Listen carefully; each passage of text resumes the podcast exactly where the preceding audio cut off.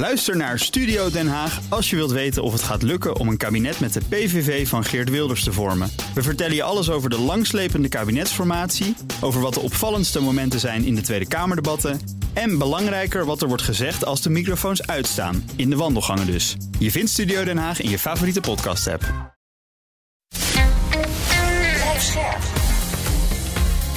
BNR Nieuwsradio. Boekenstein en de Wijk. Conor Klerks. Welkom bij Boekenstein en de Wijk. Het is dinsdag, dag 419 van de oorlog in Oekraïne. Rob, we gaan het hebben over de AIVD. Ja, als aankeiler voor een verdere discussie uh, over onder andere de internationale veranderingen over uh, die Oekraïne teweeg, teweeg heeft uh, gebracht. Maar gisteren is het ehm, het jaarverslag van de AIVD verschenen en mm -hmm. ja, de eerste woorden zijn ook 2022 was een grimmig jaar. Nou, dat mag je wel zeggen. Ja. bedoel, je hoeft niet meer te constateren dat er een oorlog is uitgebroken in, in Europa. Maar ook uh, zie je dat een aantal uh, zaken behoorlijk van de rails aan het uh, lopen is. Het extremistisch jihadisme dat is aan het toenemen. Maar ook de polarisatie in Nederland. Nou, iedereen die een beetje twittert, die, die, die, die merkt dat aan de lijve.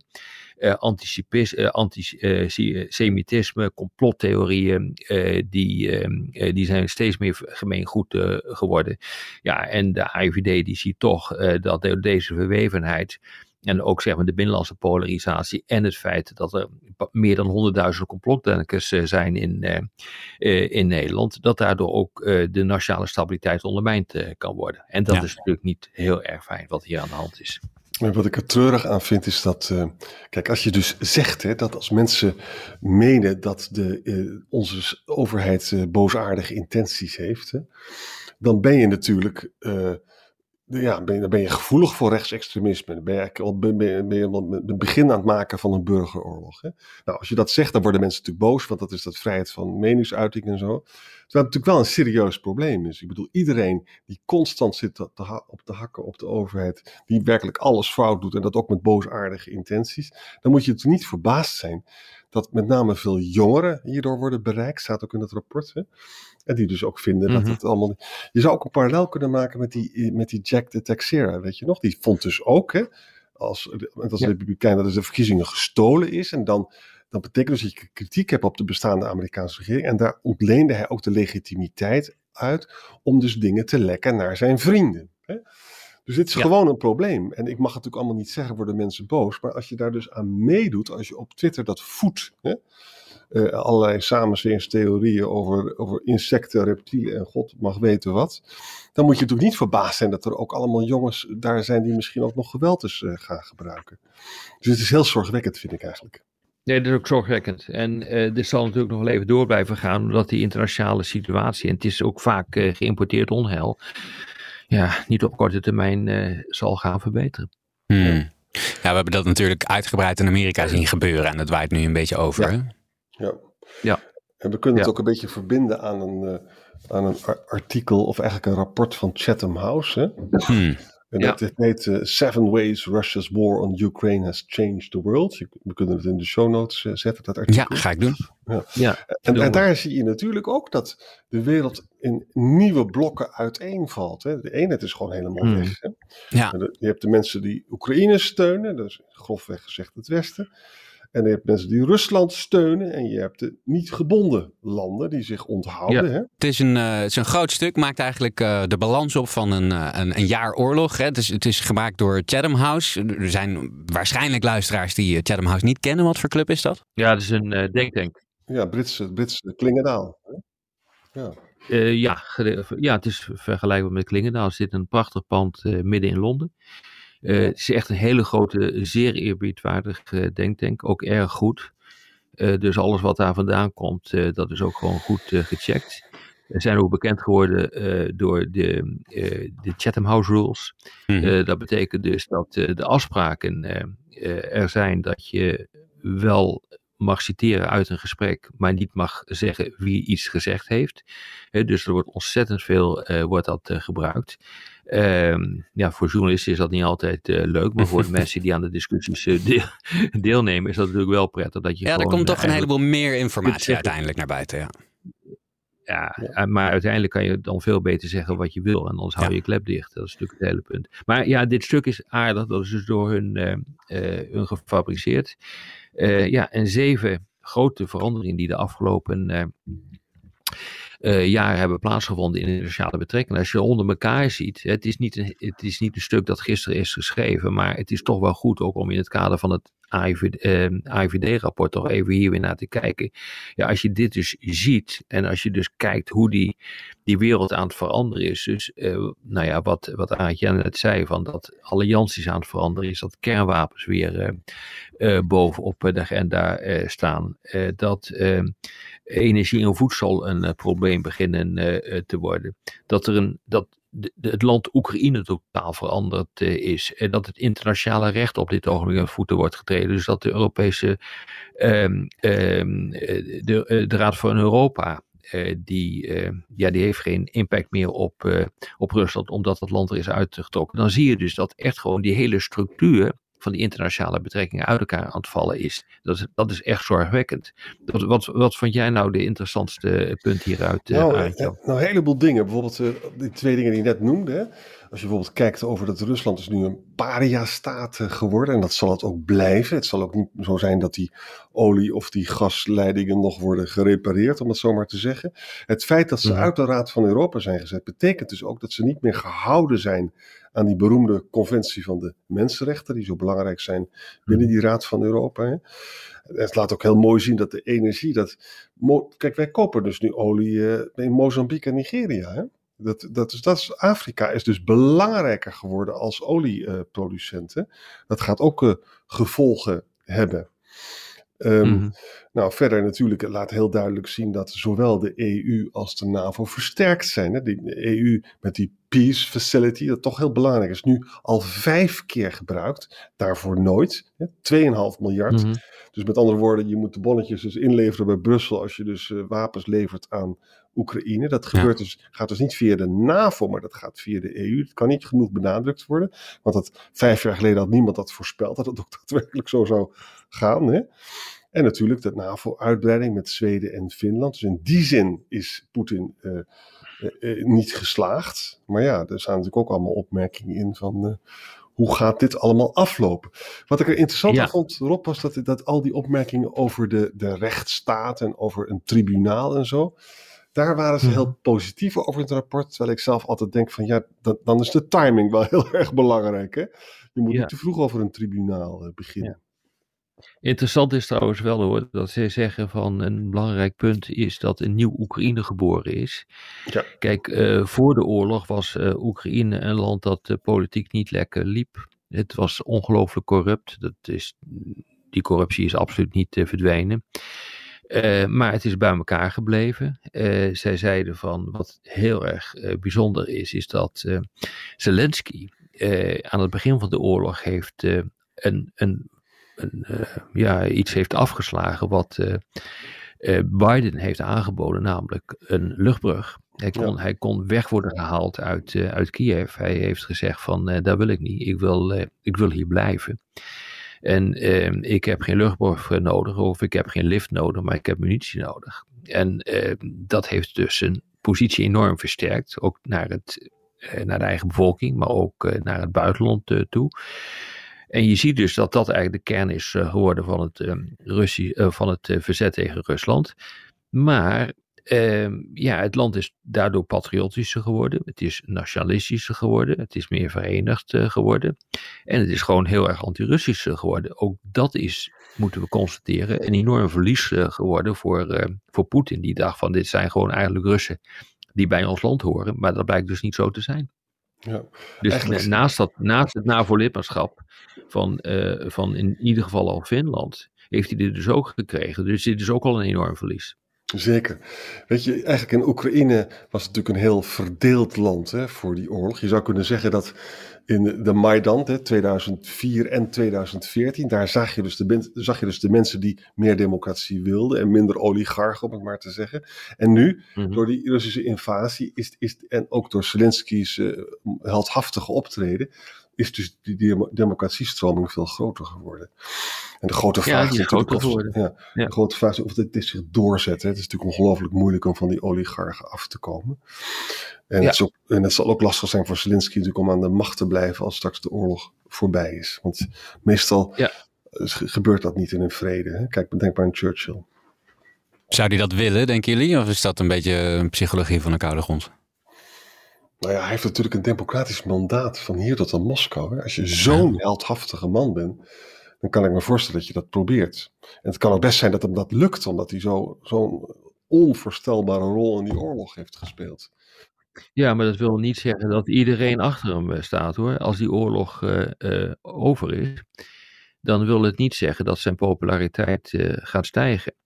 Hè, Nee. Dus eigenlijk zo'n zo, zo, zo'n president zou er eigenlijk naar, mee moeten kappen Ja, eh, na, na zo'n oorlog. Eh, want als hij dat doet, eh, dan blijft zijn naam voor de eeuwigheid groot. En je Ja. kan ongelooflijk veel kapot maken als je vervolgens je gaat bemoeien met de opbouw van het land. Mm. En dat lukt niet. Dus het, het- er is heel veel voor te zeggen om gewoon als een held en misschien wel als een Nobelprijswinnaar eh, de geschiedenis in te gaan. En, dan, en dan op je lauwen te gaan rusten. Maar politici willen dat meestal niet. Dat is natuurlijk eh, een eh, groot probleem. ja voordat hij, aan de, voordat hij aan, de, aan de macht kwam, of het was voor die oorlog, hè, toen, wel, hij was heel, zat heel dicht bij Kolomoisky, die oligarch. Hè, en die had ook dat tv-kanaal, waar is een tv-serie. Daar waren heel veel mensen kwaad over. Zelf denk ik dat je het zonder een oligarch überhaupt niet kan redden in dat land. Maar goed, misschien dat dit dus een mogelijkheid geeft om toch die oligarchenstructuren fundamenteel aan te pakken. Ja, nou ja, dat is ook wat, wat de nadelen van, eh, van, eh, eh, van Poetin is, maar ook weer niet helemaal. Eh, kijk, hoe je het ook wendt of keert, eh, wat er is gebeurd met die energietransitie, het, eh, de olie- en gasboycotts, die hebben niet heel veel effect eh, gehad op, eh, op Rusland eh, zelf. Eh, omdat ze dat behoorlijk hebben weten te compenseren. En volgens mij zijn hun inkomsten groter eh, geworden het afgelopen jaar. Eh, maar je moet wel constateren dat wat Europa heeft eh, gedaan, eh, dat dat echt immens is. Dus die enorme transitie op oliegebied van ehm, weg van Rusland eh, en naar eh, Saudi- Saudi-Arabië, eh, Kazachstan, Syrië, of nee, eh, Irak. Eh, dat is toch wel echt, ja, dat is indrukwekkend eh, geworden hoor, wat, eh, wat er gebeurd is. En dat hebben we ook gezien hoe dus eh, de gasimporten zijn gecompenseerd in belangrijke mate. Ehm, en als je dat weer eh, bekijkt voor de specifiek Nederlandse situatie. Dat is een fantastisch eh, rapport uitgekomen van het eh, eh, Centraal Bureau voor de Statistiek. Die Ja. gewoon uit heeft gezet, eh, uit heeft gerekend van hoe dat nu precies in elkaar eh, steekt. Ja, dan moet je gewoon eh, constateren. Ik vind dat, dat wel indrukwekkend hoor. Hoe dat dus echt totaal gecompenseerd is. Het wegvallen van eh, eh, de eh, van eh, eh, olie en gas uit, eh, uit Rusland. Eh, daarbij moet ik ook nog een keer zeggen van, eh, we hebben eh, destijds hebben wij ook eh, onze vrezen uitgesproken dat we zonder eh, diesel zouden komen te zitten, want dat komt Ja. in belangrijke mate uit, eh, uit Rusland. Maar als je dus naar die cijfers kijkt, ja, dus gewoon zijn de strategische dieselvoorraden gewoon vertweevoudigd. Het is Ja. onvoorstelbaar wat daar eh, gebeurd is het afgelopen jaar. Dus eh, nou ja, ik heb daar wel grote bewondering van voor hoor. Ehm, als je dus ziet hoe hard er achter de schermen is eh, gewe- gewerkt om onze energievoorziening overeind te houden. Ik heb het wel eens een keer eerder gezegd, maar het verdient wel eh, respect hoor. Anders zouden we nu gewoon echt in het donker gezeten of in de kou. En onze reservevoorraad is dus aan het einde van de winter nog met de helft eh, gevuld. Hè? Dat is heel mooi. Het is wel zo dat ze dus eh, vorige week ook wel zeg- zeggen van jongens, het is nog niet genoeg voor als het een strenge winter wordt. Hè? We moeten nog steeds eh, Klopt. bezuinigen en zo. Dus het blijft, Klopt, klopt. blijft onzeker. Maar het is verbazingwekkend goed gegaan. Ja, nou ja, het is wat ik er maar mee wil zeggen. Dus als het, als het echt de druk erop eh, wordt gezet, dan moet je zien hoe snel zo'n transitie kan gaan. Hè, want dit is iets wat je gewoon in geen 30 jaar voor elkaar had eh, gekregen. En het Ja. kan dus gewoon echt binnen een paar maanden gebeuren. Mits je maar, mits je maar wil. Wil Ja. dat, en- maar dat wil dus niet zeggen eh, dat Rusland hier veel slechter van is geworden. 28% meer revenue. Hè? Ja. Ja. Eh, India en China hebben het redelijk gecompenseerd. Ook al eh, betalen ze een, een kleinere prijs. Ja.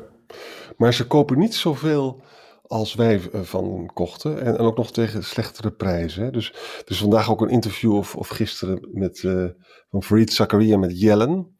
Mhm. Eh, en, en die vindt dus dat die oil cap toch ook wel behoorlijk heeft gewerkt om die revenue hadden nog veel hoger zijn zonder die olie. ja, ik weet het niet hoor. Er zijn, daar zie ik verschillende, uh, daar zie ik verschillende berichten over. Uh, op dit ogenblik, uh, het stuk wat we nu bespreken van, van Chatham House. ja, die maakt gewacht van het feit dat het 28% is gestegen op een aantal gebieden. Dus ja, weet je, laten we in ieder geval veilig constateren dat de slag niet heel erg hard is geweest voor Rusland. Ja, misschien, misschien kan je dit zeggen van uh, het Westen is erin geslaagd om alternatieve bronnen aan te boren. Hè? Dat hebben ze goed gedaan. Mm -hmm. uh, en wat dat betreft uh, is, de, is de groene transitie dus versneld. Hè? Omdat we dus problemen met fossielen hebben, maar wel vervanging hebben gevonden. Maar het echte probleem... Nou, ho, ho, dat heet geen groene transitie hoor. Want we hebben fossiel voor fossiel hebben exact, vervangen. Dat kan je niet groen noemen. Nee, en het echte probleem is natuurlijk dat als we die e-, groene transitie dus echt gaan doen dat we dus die afhankelijkheid van China hebben. Ja, dat klopt. En, uh, en, ik zie ook nu stukken in de FT komen waar die lijken te wijzen in de richting dat China nu zelf ook allemaal handelspolitieke maatregelen uh, uh, in retaliatie doet. Hè. Dus ze pakken een Amerikaanse chipfabrikant, Micron, pakken ze mhm. aan. Mm -hmm. En ik zag ook ergens een stuk, maar kan niet meer terugvinden, waarbij ze ook met die strategische rare earth dingen grappen gaan uithalen. Ja, natuurlijk, maar dat ga je dus ook uh, krijgen. Dat kan niet uh, anders. Maar goed, dat is eigenlijk weer een heel ander verhaal. Uh, ja, die bewaren we voor de volgende ik keer. Denk, ik denk dat dit een aardig stuk is voor degene die heel in het kort even willen zien. Het is een redelijk lang stuk hoor, maar... Ja, twintig minuutjes bij er doorheen. Twintig minuten door doorheen, maar dan heb je gewoon een, een stuk of zeven um, effecten van deze crisis op de wereld. En ik denk dat het wel belangrijk is om te begrijpen hoe die wereld uh, aan het veranderen is. Vandaar dat ik dacht van het is misschien toch handig om het eens even met, zo, met elkaar te bespreken. En dan ja, in de context zeker. van de AIVD ja. uh, en wat er nog meer gebeurt op energiegebied op dit ogenblik uh, in Nederland. En als je die, die, die zeven lessen, hè, dus we hebben onder ja. andere dat, dat, dat uh, um, de, uh, de NAVO verandert en ook sterker wordt, maar aan de andere kant ook weer dat nucleaire dreiging uh, ja. terug is van weg geweest. krijg je nou een, een, een positiever of een negatiever beeld dan je had door dat, dat totale stuk erop? Nou, ik moet eerlijk zeggen dat, uh, dat dat voor mij niet zo geldt, omdat ik het toch al goed volg. Uh, ik vind, kijk, wat er gebeurt, is dat dit dat deze crisis een trend versterkt die al jarenlang zichtbaar was. Ja. Uh, blokken die aan het vormen zijn in de wereld. Um, uh, een land als India uh, die op een, een andere positie gaat krijgen. Um, een energietransitie die uiteindelijk hierdoor versneld wordt. Dus allerlei trends die er toch al waren. Die, en da, dat maakt het zo interessant, zo'n zo'n stuk. Die, die trends die waren al zichtbaar en die worden nu door zo'n door zo'n oorlog enorm versterkt. Ja. En dat, dat is het, het, typische gevolg van crisis. We hebben dat ook gezien eh, door de coronacrisis, maar we hebben dat ook gezien door de financiële crisis. Eh, de brexit heeft eh, versneld, dus iedere keer zie je dat versneld wordt. En nu gaat het wel heel hard, moet ik zeggen. Ja. Hmm. En blokvorming uh, betekent niet noodzakelijkerwijs meer stabiliteit, maar ik zou zeggen meer instabiliteit hè? Ja. en meer onderhandeling. Ja. En verder is ook een beetje wishful thinking in het rapport. Hè? Van, uh, wij hopen allemaal dat de Oekraïne-oorlog uh, als inspiratiebron van, voor Xi kan dienen. Dat hij dus niet zo gemakkelijk Taiwan zou aanvallen, omdat ze ja. in oorlog leert dat het allemaal moeilijk is. Of dat allemaal ook echt zo zal zijn, dat zal allemaal nog moeten bewezen Nou, het hangt, het hangt af, en dat staat er ook wel in, van uh, het succes wat Oekraïne en het Westen boeken in deze oorlog. Als dat succes uh, uitblijft op een of andere manier, God verhoede wat er dan gaat gebeuren. Maar dan kan je ervan op aan eh, dat een land als eh, China echt stappen naar voren gaat zetten. Ja. ja. Goed, het stuk Seven Ways Russia's War on Ukraine Has Changed the World van Chatham House. Ik zet hem in de show notes, dus uh, mocht je hem willen lezen, dan kan dat. En dan zeg ik voor nu, uh, dank jullie wel heren, tot morgen. Ja, tot, tot morgen. morgen. Ook Liesbeth Staats vind je in de BNR-app. Ja, heel handig. Luister live naar Kees en mij tijdens de Daily Move. Dan blijf je ook gelijk op de hoogte van breaking news en het laatste zakelijke nieuws. En daar vind je ook alle BNR-podcasts, waaronder de Perestrooikast. Download nu de gratis BNR-app en blijf scherp.